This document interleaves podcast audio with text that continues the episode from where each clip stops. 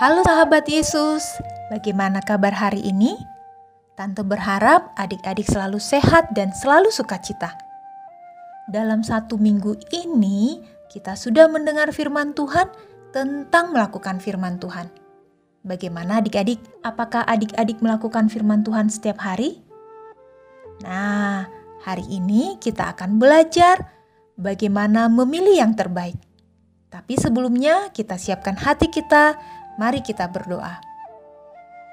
Bapa di surga, kami bersyukur atas hari ini, atas hari baru yang Tuhan berikan kepada kami.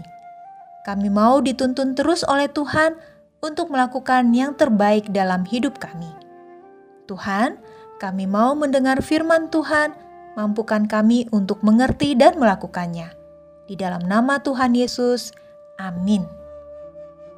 Pembacaan firman Tuhan dari Lukas 10 ayat 38 sampai 42. Adik-adik juga buka ya Alkitabnya dan kita sama-sama membacanya.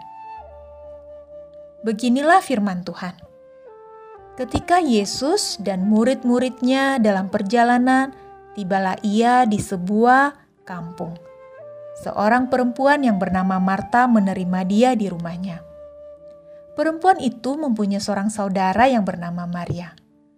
Maria ini duduk dekat kaki Tuhan dan terus mendengarkan perkataannya. Sedang Marta sibuk sekali melayani. Ia mendekati Yesus dan berkata, "Tuhan, tidakkah Engkau peduli bahwa saudaraku membiarkan aku melayani seorang diri? Suruhlah dia membantu aku."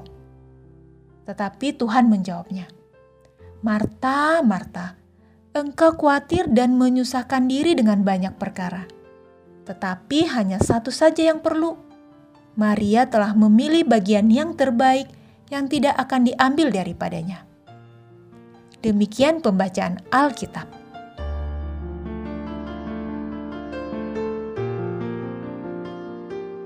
Adik-adik, pasti sudah sering mendengar cerita tentang Maria dan Marta di sekolah minggu, bukan? Ketika Tuhan Yesus datang ke rumah Maria dan Marta, kedua-duanya sibuk, tapi kesibukan mereka berbeda. Marta sibuk melayani, dia sibuk dengan dirinya sendiri.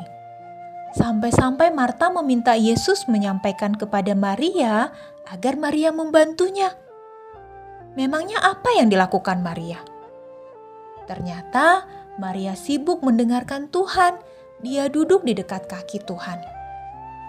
Adik-adik, Maria telah memilih yang terbaik, yaitu duduk dekat kaki Yesus dan dengan sungguh-sungguh mendengarkan setiap perkataan Tuhan Yesus. Bukan berarti Marta salah adik-adik, tapi Maria memilih yang terbaik. Sedangkan Marta sibuk menyusahkan dirinya sendiri dengan banyak kesibukan. Adik-adik, kadang kita juga seperti Marta ya lebih memilih main gadget daripada membaca renungan harian anak atau mendengarkan renungan audio. Kadang kita lebih memilih menyanyi lagu zaman now daripada menyanyi lagu-lagu sekolah minggu. Adik-adik, masih tetap rajin dan semangat beribadah kan di saat-saat pandemi ini? Meskipun kita ibadahnya secara online, adik-adik tetap semangat kan? Good. Itu artinya adik-adik sudah memilih yang terbaik, yaitu mendengarkan firman Tuhan, memuji dan memuliakan Tuhan. Yuk, adik-adik, kita berjanji untuk melakukan yang terbaik, yaitu mendengar dan melakukan firman Tuhan. Sama-sama kita katakan, "Aku memilih yang terbaik, yaitu mendengarkan firman Tuhan." Sekali lagi, adik-adik, aku memilih yang terbaik, yaitu mendengarkan firman Tuhan. Mari kita berdoa.